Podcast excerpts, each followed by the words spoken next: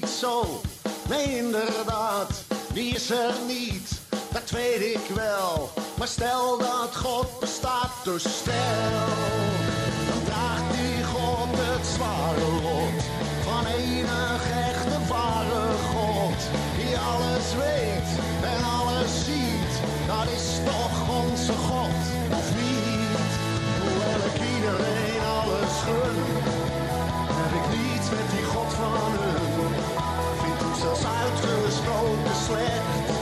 Alleen onze God is echt. En zo voor al het gedonder, terwijl God niet eens bestond. En ondertussen loopt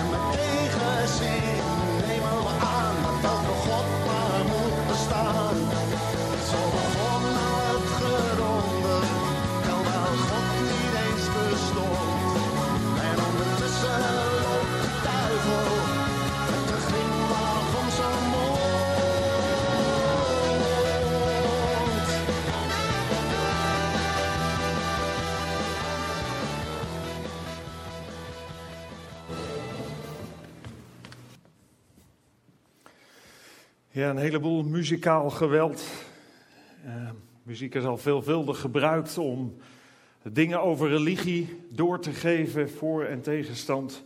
En wat er in dit lied van de Dijk ook naar voren kwam, er is al eh, ontzettend veel strijd ontstaan ook daardoor. Vandaag de vijfde keer in eh, deze serie God mag ik eens vragen. En vandaag, vanmiddag, staat die vraag centraal. Welke religie beveelt u mij aan? Religie, ander woord voor geloofsleer of geloofsovertuiging, datgene waarin je gelooft wat meer is tussen hemel en aarde. En ik eh, keek eens op internet of je een beetje een lijst, een complete lijst zou kunnen vinden van de religies die er zijn. Nou, ik heb wel wat lijsten gevonden, maar kwam er al vrij snel achter dat er duizenden, duizenden religies zijn. Op Wikipedia kwam ik een vrij complete lijst tegen, althans, ik hoop dat die compleet is, want die was eindeloos lang. En driekwart van de namen die daar stonden, kon ik helemaal niet uitspreken. Maar allemaal zou je het een stukje kunnen terugbrengen, misschien naar deze godsdiensten die hier staan, of deze religies, want het zijn allemaal weer afgeleiden van en afgeleiden van en afgeleiden van. Maar wat wel duidelijk wordt, als je daarmee bezig bent, is het feit dat een mens een religieus wezen is. Dat eigenlijk vrijwel iedere mens een enorm hoog percentage, en dat scheelt nog een beetje in de werelddelen, maar wel ervan uitgaat dat er meer is tussen hemel en aarde en daar ook allemaal hun eigen weg in zoeken. Ik kwam een uitspraak tegen van Bernard Assink, voorzitter van de Katholieke Bijbelstichting, en die zei: De mens is in wezen ongeneeslijk religieus. Het is iets wat onlosmakelijk met ons als mensen verbonden is. Dat religieuze besef, dat besef van er is meer tussen hemel en aarde. En natuurlijk heb je wel een groep mensen die zichzelf schaart onder de niet-religieuze. Alleen de vraag is in hoeverre dat werkelijk bestaat of meer een verzet is tegen de eigen reële gevoelens die er zijn. En zo zie je ook vaak dat ja, mensen die zichzelf tot niet-religieuze rekenen, toch met name in moeilijke tijden of onder hoogspanning of wat dan ook, uitspraken doen waaruit eigenlijk het tegendeel blijkt. Ja, ik zei al aan het begin, we gaan op zoek naar een antwoord. En ja, is een beetje een open deur, maar als je dit antwoord gaat zoeken in de Bijbel, ja, dan denk ik dat het een, een hele korte dienst zou kunnen worden. Want ja, de Bijbeltekst die ik dan tegenkom is bijvoorbeeld deze. Jezaja schrijft over God dat hij zegt, ik ben God, er is geen ander. Ik ben God, niemand is aan mij gelijk. Een andere tekst, koning David, een bekende koning van het volk Israël, die schrijft in een lied: Want de Heer is groot en zeer te loven, wonderbaar boven alle goden. Want alle goden der volken zijn afgoden. In het Hebreeuws staat er het woordje zijn niets, nietsen. En in de laatste vertaling die uit is gekomen van de Bijbel staat zijn minder dan niets. Om er aan te geven hoeveel het is. Ja, de religie die God aanbeveelt, als je dat baseert op de Bijbel, ja, dan kom je natuurlijk uit bij de God van de Bijbel. En dat is natuurlijk allemaal een open deur, of je zou kunnen zeggen een cirkelredenering. Het ene bevestigt het ander, maar dat is natuurlijk net even te gemakkelijk allemaal. Want er zijn wel twee vragen die heel nadrukkelijk zullen moeten worden beantwoord. Om te kijken of deze claim die hier in de Bijbel staat, of die claim ook waar te maken is. Je zou kunnen zeggen of de Bijbel dit kan, kan um, overeind houden, dat deze claim op deze manier wordt neergelegd. Want wie zegt dat de God van de Bijbel de waarheid spreekt? En stel je voor dat je dat positief zou kunnen beantwoorden, dan is er nog de vraag, als de Bijbel de waarheid spreekt, dan zijn er inmiddels wel drie wereldgodsdiensten, de grootste, het Jodendom, het Christendom en de Islam, die op grond van diezelfde God, die God van Abraham, claimen de juiste en de ware godsdienst te zijn. Dus dan ben je er nog niet als je zegt die God van Abraham, waar de Bijbel over spreekt, uh, is de ware God, ja, dan gaat die claim nog naar meerdere godsdiensten, meerdere religies toe. We beginnen met de eerste vraag. Wie zegt dat de, waarheid, de, de, de, de Bijbel de waarheid spreekt? Nou, dat zegt God zelf, dat hij de waarheid spreekt. Maar, en dat is natuurlijk veel belangrijker, God zegt dat die waarheid die hij verkondigt, datgene wat in de Bijbel staat, dat die waarheid verifieerbaar is, controleerbaar is. Dat je daar dus niet van hoeft te zeggen, nou het staat er dus ik geloof het maar. Nee, dat God zegt, ik heb ervoor zorg gedragen dat datgene wat ik heb opgeschreven, dat het na te trekken is, dat het te controleren is, zodat het zowel een bevrediging voor het hoofd als ook voor het hart geeft. We lazen net dat tekstgedeelte waar staat, want ik ben God, niemand anders is God, niemand is aan mij gelijk. Maar die tekst gaat verder. En daar zegt God, ik verkondig u het einde vanaf het begin. En vooraf wat nog niet is gebeurd. Ik zeg, mijn besluit wordt uitgevoerd. En al wat mij behaagt, breng ik tot stand.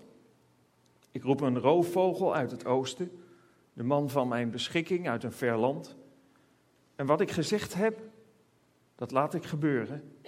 Ik maak een plan en voer het uit. Dus God zegt eigenlijk, al heel lang voordat er bepaalde dingen gebeuren, heb ik aangegeven dat het zal gaan gebeuren. Oftewel, God legt een claim op het feit dat hij zegt: Ik kan in de toekomst precies bepalen wat er gaat gebeuren. En als we naar ons mensen kijken, maar ook als je naar heel, heel, heel veel andere religies kijkt, hebben die helemaal niks te maken met een claim of met toekomst die uitkomt. Sterker nog, we hebben vorige week gekeken naar het paranormale. En iedere keer blijkt opnieuw dat ook waarzeggers, mensen die claimen waarzegger te zijn, absoluut niet in staat zijn om accuraat en navolgbaar en controleerbaar de toekomst te voorspellen. Dat het er allemaal een beetje tussenin hangt. Soms dingen die je aan de, ja, waarvan je zegt het is statistisch inderdaad, is een kans dat dit uitkomt. Of wanneer het zo vaag is, wat we vaak in horoscopen zien, dat het altijd wel uit gaat komen. En dan ook nog een keer zie je, als je alle horoscopen naast elkaar zet, dat het 180 graden verschillende dingen zegt. Niet andere religies, niet de mens is in staat om in de toekomst te kijken, om de toekomst te voorspellen. Laat ik zeggen, zolang er nog kansspelen zijn, zolang er nog loterijen zijn, die niet altijd door dezelfde of door een paar mensen worden gewonnen die in de toekomst kunnen kijken, zolang, er nog, zolang we nog overvallen worden door rampen als tsunamis en aardbevingen en noem allemaal maar op, die schijnbaar dan niemand ziet aankomen, Zolang we nog verrast worden door een kredietcrisis die schijnbaar niemand in zijn glazen bol heeft zien aankomen, geloof ik eenvoudigweg niet dat de mens in staat is om in de toekomst te kijken. We zijn zelfs niet in staat om iets op een wat langere termijn te plannen. Omdat de factoren die in ons leven een rol spelen zoveel zijn dat we iedere keer van van allerlei factoren afhankelijk zijn of datgene wat we willen plannen ook wel uitkomen. We zijn zelfs niet in staat om een week van tevoren met alle onze computers een correcte voorspelling te geven van het weer. Nee, op de korte termijn, maar ook met name op de lange termijn voorspellen, voorspellingen doen met gegarandeerde afloop, is Gods keurmerk van waarheid die we in de Bijbel tegenkomen. Daar laat God zijn vingerafdrukken achter en daar kan geen enkele andere God of godsdienst tegenop. Die claim die God legt en zegt van dit is de waarheid, want ik laat zien dat ik vooraf bepaal wat ik in de toekomst zal doen, dat is een claim die alleen de God van de Bijbel waarmaakt. En op welke manier herken je dat dan? Op welke manier is dat dan na te trekken? Dat is na te trekken vanuit al die voorspellingen en profetieën en voorzeggingen. Profetieën zijn eigenlijk die voorspellingen voor de toekomst, die er in de Bijbel staan.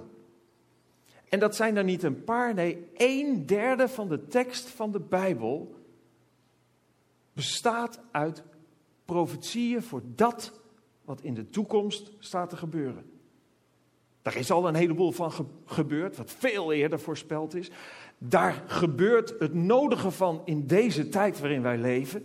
Ik heb al eerder gezegd, je kunt de Bijbel en de voorspellingen met de krant samen omslaan, want ze gaan met elkaar op. En er staat nog een heleboel te gebeuren, wat nog in het vat zit. Als ik voorbeelden zou noemen vanuit het, vanuit het verre verleden, dan staat er ergens een verhaal dat, dat Abraham, ik noemde net zijn naam al, geroepen wordt en een opdracht krijgt van God. En dat God zegt tegen hem, uit jou zal een groot volk ontstaan. En Abraham, hoe ouder die wordt, hoe minder die gaat geloven van die belofte. En uiteindelijk is Abraham 100 jaar geworden. En Sarah, zijn vrouw, 90 jaar geworden. En zoals het in de Bijbel staat, het gaat haar niet meer naar de wijze der vrouwen, oftewel ze is niet meer ontvankelijk om zwanger te worden. En dan raakt ze zwanger en dan brengt God juist niet door dat wat te verwachten is, waarvan je zegt, ja, kun je makkelijk voorspellen dat ze zwanger wordt. Nee, juist in een periode dat het naar de mens gesproken onmogelijk is dat dat soort dingen tot stand komen, dat is het moment waarop dat gebeurt. Maar ook bijvoorbeeld de exacte duur van de ballingschap van het volk Israël. Honderden jaren daarvoor voorspeld. De verwoesting van de tempel in 70 na Christus is heel lang daarvoor voorspeld. De toename van de natuurrampen in de periode waarin wij nu leven. En dat is gewoon een kwestie van in de, in de uh, statistieken kijken en zien hoe, dat, hoe zich dat ontwikkelt. En zien dat dat niet een golfbeweging is, maar een stijgende lijn, is al heel lang hiervoor voorspeld. En wat ik al zei, er staat ook nog ontzettend veel te gebeuren. Er staan een heleboel dingen in de Bijbel waarvan je tientallen jaren geleden zou zeggen: ja, dat kan wel staan dat dat staat te gebeuren, maar dat is een volstrekte onmogelijkheid. Terwijl nu in deze tijd waarin we leven, we zien dat er technologieën ontwikkelen die precies dat mogelijk maken wat er als bijbelse voorzeggingen honderden jaren geleden is opgetekend. En eigenlijk zijn misschien wel de meest opmerkelijke voorspellingen, profetieën, maar ook de meeste profetieën gedaan over de komst van Jezus op aarde. Meer dan 300 profetieën, voorspellingen, verwijzen naar, naar Jezus. En naar van allerlei dingen. Zowel de manier waarop de zwangerschap tot stand zou komen, als de geboorteplaats, de plek waar hij geboren zou worden, uit welke stam hij zou geboren worden, op welke manier die zou sterven, hoe zijn, over zijn kleding na zijn sterven zou worden gedobbeld en niet verscheurd zou worden, eh, waar die begraven zou worden, dat hij op zou staan uit de dood. En er is een moment dat Jezus op een ezel Jeruzalem binnenkomt. Dat is allemaal keurig netjes, niet alleen in de Bijbel, maar ook in de geschiedenisboeken. de Flavius Josephus was een van de bekende geschiedschrijvers uit die tijd. Geen gelovige, dus wat dat betreft geen belangenverstrengeling. Die daar verslag van deed hoe Jezus op een ezel, als koning gekroond door het volk, wat hij helemaal niet wilde zijn, Jeruzalem binnenreed. 500 jaar voor dat moment werd op de dag nauwkeurig in het boek Daniel aangegeven wanneer dat zou plaatsvinden. God zegt: Ik verkondig u het einde vanaf het begin. En vooraf wat nog niet is gebeurd. Al Gods voorzeggingen, al Gods voorspellingen in de, in de Bijbel zijn nauwkeurig uitkomen, uitgekomen en zullen ook in de toekomst nauwkeurig blijven uitkomen. Hoe onvoorstelbaar het nu misschien lijkt als je het leest. En er was een um, atheïst, een man die was al twintig jaar ontzettend aan het strijden, of vijftien jaar, vanaf heel jongs af aan eigenlijk al tegen alles wat maar met religie te maken had, maar het felst nog tegen de Bijbel. En op een gegeven moment ging hij uh, ja, eigenlijk ook om om tegenstellingen naar voren te kunnen brengen, ging hij de Bijbel bestuderen. En ik heb een kort videofragment waarin hij nu, juist door die ontdekkingen die hij deed, niet alleen vanuit de profetieën, maar ook vanuit de archeologie, vanuit de vingerafdrukken zou je kunnen zeggen, die God in de wereld heeft achtergelaten om te bewijzen dat zijn woord de waarheid is. Hoe hij nu vanuit die ontdekkingen weergeeft hoe hij er niet meer omheen kon, kan, wil dat God en dat de waarheid, dat de Bijbel de waarheid spreekt. Laten we er even naar kijken. And then I looked at all this archaeology. You know, archaeology was treasure hunting until about 150 years ago. Just people just going in and grave robbing and botching up expeditions and, and tombs and things like that. And within the last 150 years, we've really taken a meticulous angle on managing these different archaeological finds in the Middle East. We've broken the, the, the, code on ancient cuneiform, which was a dead language. And now we can read all these tablets about all these ancient kings and all these ancient civilizations, treaties, etc. We broke the code on ancient Egyptian hieroglyphics. We can now read all these reliefs and stels and all these victory proclamations. And what are they doing? They're pointing to absolute integrity of the Old Testament scriptures. And then you can look at New Testament archaeology. And you can see all the places where Jesus walked and all the places where people were healed, all these different uh, springs and, and pools and uh, different places from uh, around the, um, the Dead Sea, around the Sea of Galilee, and around the ancient city of Jerusalem. Phenomenal finds, only in the last now just couple decades. So when I started putting all of this stuff together, and I was looking at the manuscripts, and I was looking at the history, and I was looking at the integrity of it all, and I was looking at the archaeology, I was absolutely blown away. See, I was kind of just fed a lie that this is just another philosophy book for living. And I realized, no, the people, the places, the events, the cultures, the treaties, the events, they happened. And then I was, as I was looking at the underlying theology of all this, I had a recurring theme that actually made me feel kind of uncomfortable. You see, from Genesis all the way through to the New Testament, you have this, this, this recurring notion of a, of a Shiloh, a Savior, as he was called in Genesis, a Mashiach, a Messiah, as he was called in Isaiah, he's called in the Psalms of David. Um, we have this Emmanuel, God with us. Uh, we have a Redeemer that Job described that would set foot on this earth and save him and all of mankind. And as you walk through this incredible prophetic tale, you realize that the Old Testament is indeed the New Testament concealed, and that the New Testament is in fact the Old Testament revealed. And that revelation was through the God-man, Jesus Christ. So I, for any other reason, just because it's the perennial bestseller of all time, check out the book. Read it cover to cover, just as an intellectual exercise, and see where you come out on the biblical text. Ja, een aansporing die hij uh, zelf misschien eens te harte heeft genomen en waardoor hij ontdekt heeft dat de Bijbel inderdaad verifieerbaar is, controleerbaar is. Dus de vraag wie zegt dat de God van de Bijbel de waarheid spreekt, ja, God bewees het in het verleden. God bewijst dat in het heden en zal dat in de toekomst ook blijven doen. Er is een boek geschreven, Peter Bruin, een, een verslaggever, die eigenlijk ook vanuit een kritisch perspectief begon te schrijven. Geen geloof zonder bewijs heet het boek. Die ook niet alleen maar iets wilde voelen en daarna verlangde, maar ook die intellectuele bevrediging zocht en het bewijs zocht dat de Bijbel de waarheid spreekt. Maar er blijft er nog die tweede vraag. Want die tweede vraag is, als de God van de Bijbel de waarheid spreekt, zijn er inmiddels wel drie wereldgodsdiensten die deze God van het Oude Testament claimen. Die zeggen dat dit hun God is en dat hun religie de enige ware religie is. En dat is het Jodendom, het Christendom en de Islam. De drie grootste, de wereldgodsdiensten die er zijn.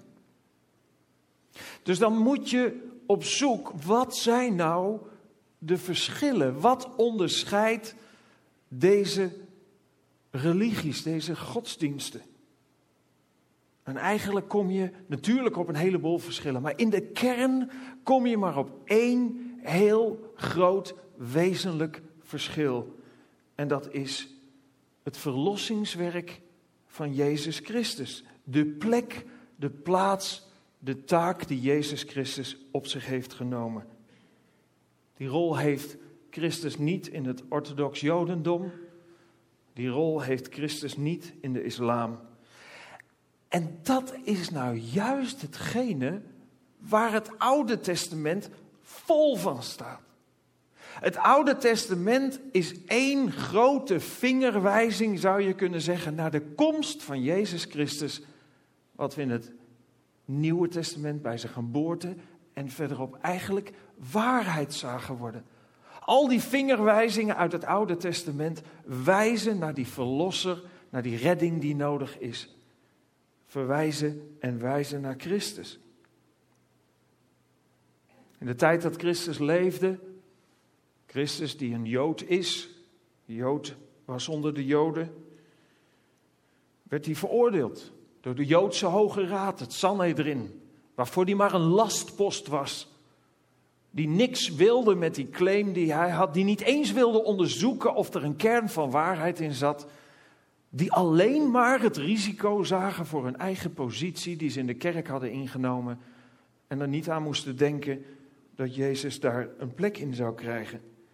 En uiteindelijk zetten ze het aan en aan tot zijn executie aan toe. En veel Joden zijn daar blijven stilstaan, maar er is natuurlijk ook een enorme groep onder de Joden die wel Christus hebben herkend vanuit het Oude Testament en hebben aangenomen als hun redder en verlosser. We moeten niet vergeten dat het, het hele christendom gebouwd is op het fundament van het Joodse volk. Daar is het uit voortgekomen. En nogmaals, er is een groep achtergebleven, er is een groep die er niets van wilde weten, die er ook nu nog niks van wil weten. En dat is dat orthodox Jodendom wat we nu nog herkennen. Het huidige Jodendom verwerpt eigenlijk die bewijzen die er zijn, die vingerwijzingen die er zijn naar Jezus Christus. En ja, zoals de Bijbel het zegt, het lijkt wel of ze een sluier hebben, iets waardoor ze niet het zuivere zicht hebben. En ook de islam, de islam beroept zich wel op de God van Abraham, net zoals de, orthodox, de orthodoxe Joden, op dezelfde God van het Oude Testament. Maar ook zij erkennen niet al die verwijzingen naar de komst van die Messias, de komst van Jezus Christus, die nogmaals tot op de dag nauwkeurig eigenlijk was aangegeven hoe en waar en wanneer en op welke manier. Ook zij ja, hebben wel dat Oude Testament voor een gedeelte in hun religie opgenomen, maar zijn eigenlijk bij Abraham en de twee zonen die daaruit voortkwamen, Ismaël en Isaac, eigenlijk afgesplitst. En nu is het ondenkbaar eigenlijk, ook voor Arabische volken, voor nakomelingen van Ismaël, ondenkbaar dat een Jood hun verlosser zou kunnen zijn. Er is, het zijn zulke aardsrivalen, de nakomelingen van Isaac, daar waar het Joodse volk uit voortgekomen is, en de nakomelingen van Ismaël, dat was vanaf het moment dat ze opgroeiden al strijd. En als we nu de kranten open doen, zien we nog steeds exact diezelfde strijd. Het volk Israël, wat staat tegenover de Arabische volken. En sinds eeuwen staat er op de gevel van de rotskoepel in Jeruzalem, die gouden koepel die je altijd herkent als je Jeruzalem ziet, de inscriptie in het Arabisch te lezen: God heeft geen zoon. De ontkenning van de komst van de Heer Jezus Christus en alles wat daarmee te maken heeft. Dus hoe sterk de bewijzen ook zijn, hoe krachtig de heenwijzingen van het Oude Testament ook zijn, niet iedereen aanvaardt die, accepteert die en trekt daar de consequenties uit. En dat is ook niet gemakkelijk, want als de Bijbel echt waar is, dan betekent ook dat waar is wat Jezus zei: Ik ben de weg, de waarheid en het leven. Niemand komt tot de Vader dan door mij. Of wat Petrus en Johannes op een gegeven moment tegen die Joodse raad zeiden, tegen dat Sanhedrin. Door niemand anders kunnen wij worden gered, want zijn naam is de enige op aarde die de mens redding biedt. Die dingen zijn onlosmakelijk met elkaar verbonden. Als je erkent dat het Oude Testament waar is en als je de heenwijzingen ziet naar het Nieuwe Testament, dan kun je niet om Jezus heen. En dat vinden we misschien tot op zekere hoogte nog niet een probleem. Maar wanneer die exclusiviteit wordt geclaimd, als Jezus zegt, ik ben de weg, de waarheid en het leven, niemand kan bij God de Vader komen dan door mij, ja, dan wordt het lastig. Dan haken we eigenlijk misschien liever af. En dat roept ook weerstand op. Niet alleen het feit dat hij de weg is, maar zijn naam alleen al. Er zijn ontzettend veel mensen op zoek. En ontzettend veel mensen zoekend naar wat is er meer tussen hemel en aarde. Waarom? Omdat we voelen dat er meer is. Omdat we weten dat er meer is, maar daar geen vinger achter kunnen krijgen. Omdat we zo intens het verlangen hebben om, om die verbondenheid te hebben met wat er is, omdat we weten dat, dat je daar gelukkig van zou kunnen worden. Dat je dat geeft waar je, waar je zo naar verlangt. Eh, want dat is de zoektocht naar religie. De zoektocht naar geborgenheid, naar liefde, naar zingeving, naar vrede. En dan maakt het eigenlijk niet uit wat je aanbiedt. Of het nou een cursus boomknuffelen is, of het is een cursus klanktherapie, of het is allemaal uren zo zitten, of wat het dan ook is, of, of met z'n allen in een modderbad met flitslampen.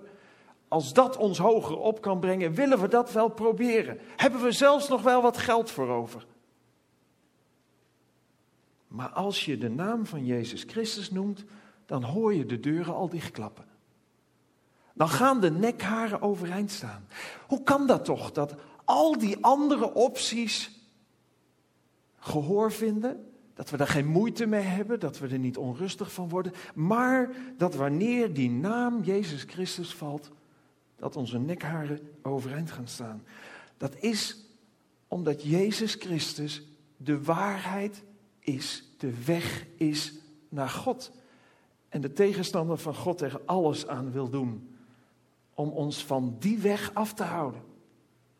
Maakt niet uit wat je verder doet, interesseert niet. Doe wat je leuk vindt, doe wat je niet laten kunt, maar blijf bij Christus uit de buurt.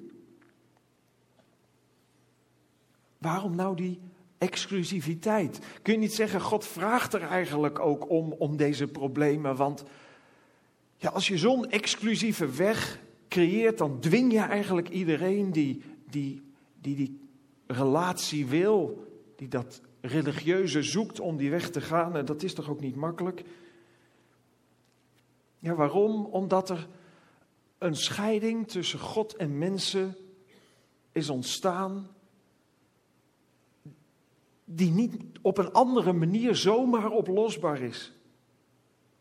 Ik denk dat als het anders had gekund dan de manier, de weg die God daarmee is gegaan, dat God dat had gedaan. Want in dit geval moest hij zijn zoon, zijn eigen kind naar deze aarde sturen. En in dit geval stierf Jezus Christus een marteldood om uiteindelijk die verbinding, die verbroken verbinding tussen God en mensen tot stand te brengen. Dat is een exclusiviteit met een hele hoge prijs. En die hele hoge prijs, die heeft Jezus betaald. Die hele hoge prijs heeft God betaald. Om jou en mij los te maken uit de klauwen, uit de verbondenheid met het kwaad. Om die verbroken relatie die er was en, en, die, en, en die smet die daartussen stond, van ons af te nemen en te zorgen dat die verbinding opnieuw tot stand kon worden gebracht. Dat kost geen geld. Je hoeft geen geld te betalen om, om dat te vinden waar je echt naar zoekt. Het kost geen martelgang, je hoeft geen martelaar te worden om dat te vinden. Eigenlijk is het te mooi om waar te zijn, maar het enige wat God van ons vraagt is: wil jij het offer wat de Heer Jezus Christus heeft gebracht voor jouw zonde, wil jij aanvaarden dat hij het voor jou heeft gedaan? Wil jij aanvaarden dat die scheiding tussen ons en God is ontstaan? Willen we aanvaarden dat die is ontstaan omdat we God de rug toe hebben gekeerd? Omdat we onze eigen wijsheid zijn nagevolgd en Hem onze rug hebben laten zien. En willen we een andere keuze in ons leven maken? En God heeft alles gedaan om ons te bewijzen dat Hij bestaat.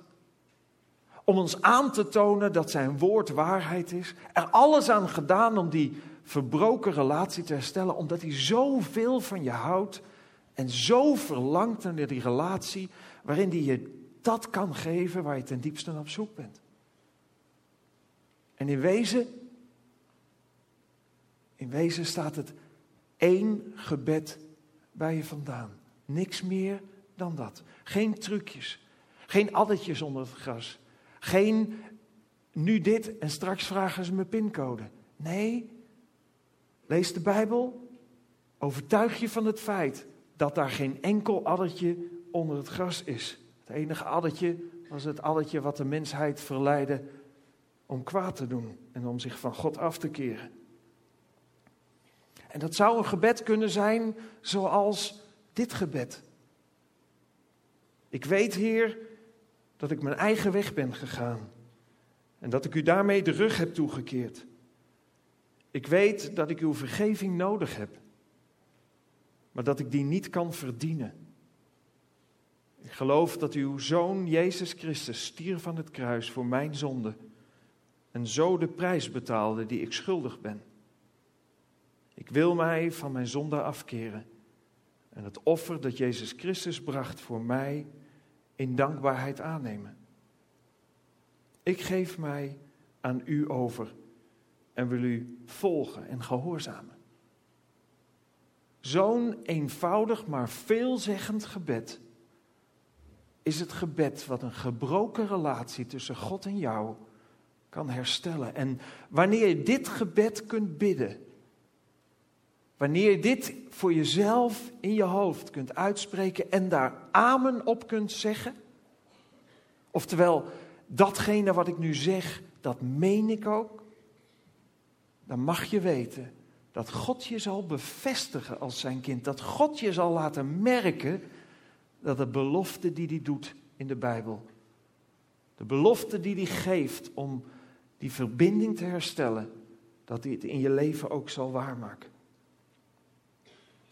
En ik wil nog een moment die tekst laten staan, dat gebed laten staan. En jezelf de gelegenheid te geven dit nog een keer te lezen. En wanneer je voelt in je hart dat God je aanspoort, dat God je roept, dat God er verlangen heeft, het verlangen heeft om die relatie met jou te herstellen. Dan kun je dat gebed wat je leest besluiten met Amen. Dit is wat ik meen. Dit is wat ik wil. En je zult merken dat God trouw is aan zijn belofte. En je die liefde en geborgenheid en vrede in je hart zal geven waar je zo naar verlangt.